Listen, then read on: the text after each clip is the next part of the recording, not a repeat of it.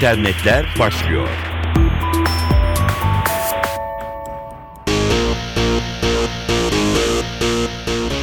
Merhaba, dijital dünyanın gelişmelerini aktaracağız. Ben Dilara Eldaş. Microsoft'la başlayalım. Microsoft 2013 yılının ikinci çeyreğinin finansal sonuçlarını açıkladı. Buna göre %2 büyüyerek şirketin geliri 21.6 milyar dolar oldu. Büyümede piyasaya çıkan Windows 8'in büyük payı olduğu yapılan yorumlar arasında Şirketten yapılan açıklamalara göre şu anda kurumsal masaüstü bilgisayarların %60'ında Windows 7 yer alıyor.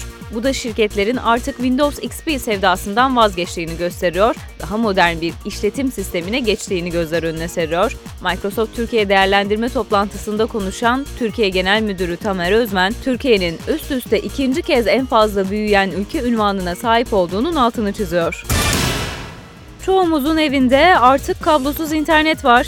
Tahminen de evin her odası değil, modemin en iyi çektiği oda kullanılıyor. Dolayısıyla kablosuz internete gerek var mı? Kablosuz internete metropollerde çok daha fazla maruz kalır olduk. Maruz kelimesinin altını çizelim zira son araştırmalar kablosuz internet için aman dikkat dedirtiyor. Süleyman Demirel Üniversitesi Nörolojik Bilimler Araştırma ve Uygulama bölümünde yapılan araştırmalar neticesinde kablosuz internet kullanımının MS ve epilepsi hastaları üzerinde olumsuz etkiler yarattığı açıklandı. Üniversitenin resmi internet sitesinde yayınlanan haberde hücredeki kalsiyum kanallarının düzenli çalışmasının önemi ve bu kanalların bozulması durumunda oluşabilecek hastalıklar vurgulandı. Profesör Doktor Mustafa Nazıroğlu, dış dünyada bulunan kalsiyum iyonlarının hücrenin içine girmesi neticesinde hayati faaliyetlerimizi devam ettirebileceğimizi belirtti.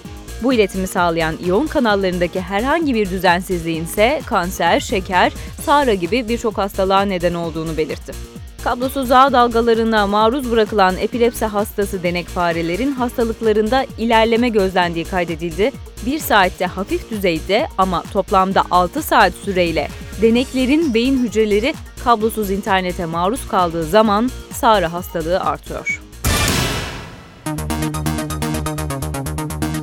Mikroblog sitesi Twitter yeni Vine adlı servisinde müstehcen içerikli görüntü sorunu yaşıyor. 6 saniye uzunlukta gerçek zamanlı video paylaşımı yapılabiliyor serviste ama bazı kullanıcılar burada müstehcen görüntüler gösteriyor.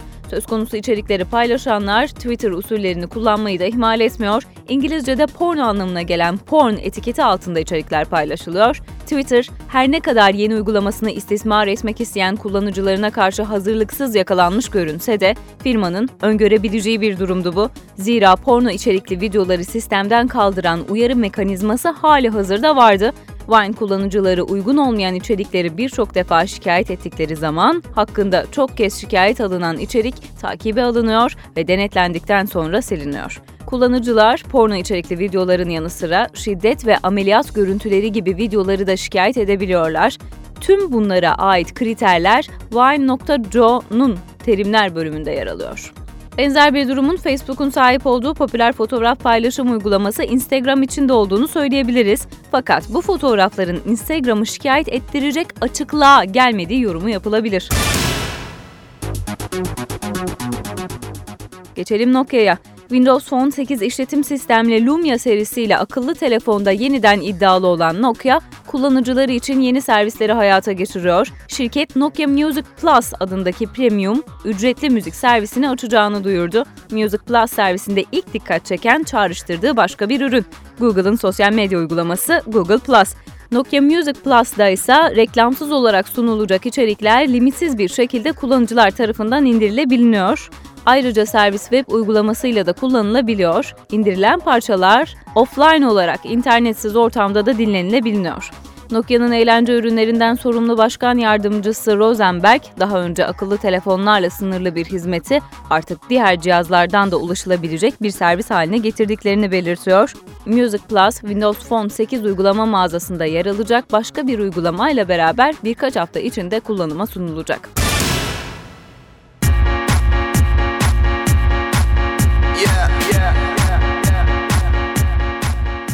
Müzik uygulamalarıyla devam edelim o zaman. Hatta David Guetta da bize eşlik etsin fonda. Dünya DJ'leri bu Türk yazılımını kullanıyor. David Guetta, Martin Solveig ve Zed gibi ünlü prodüktör ve DJ'ler Synthmaster adlı müzik enstrüman yazılımını kullanıyorlar.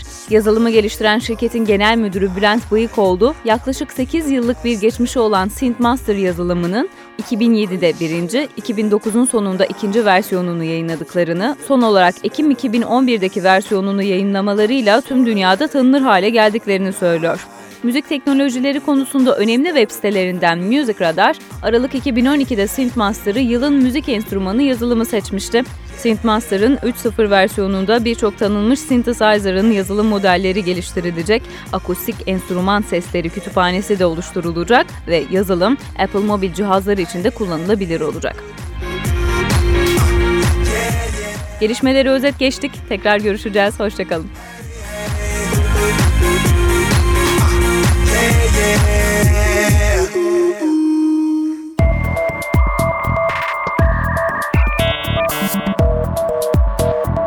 İnternetler sona erdi.